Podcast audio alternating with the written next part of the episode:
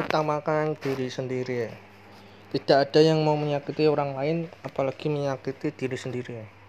Bukan egois juga bukan narsis. Bekerja untuk memenuhi kebutuhan secara ekonomi untuk diri sendiri. Keluarga tentu adalah hal lumrah. Ada beberapa usaha pengusaha muda yang kerap melakukan manuver dengan cepat untuk mengembangkan bisnis memperluasnya. Hal itu dilakukan semata-mata untuk mempercepat kesuksesannya, entah dengan cara apa pun atau mungkin dengan memberi tekanan kepada pegawai atau anak, anak buahnya untuk memasang target tertentu. Bahkan ada di sebuah informasi lowongan-lowongan kerja salah satunya adalah bisa kerja dalam tim atau lebih lagi mampu bekerja di bawah tekanan lumrah dan wajar jika yang dilakukan oleh seseorang calon pebisnis mencari keuntungan tidak ada salahnya.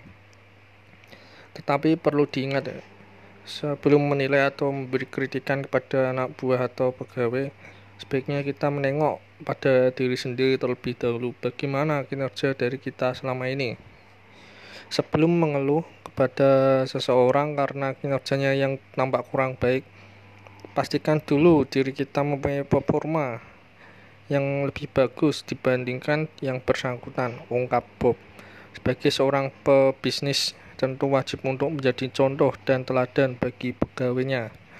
Menurut Bob Sadino, bahwa jangan sampai tidak memberikan contoh buruk pada orang lain, namun pengusaha atasan itu sendiri mengharapkan mereka untuk bisa. Terima kasih untuk kawan-kawanku semua.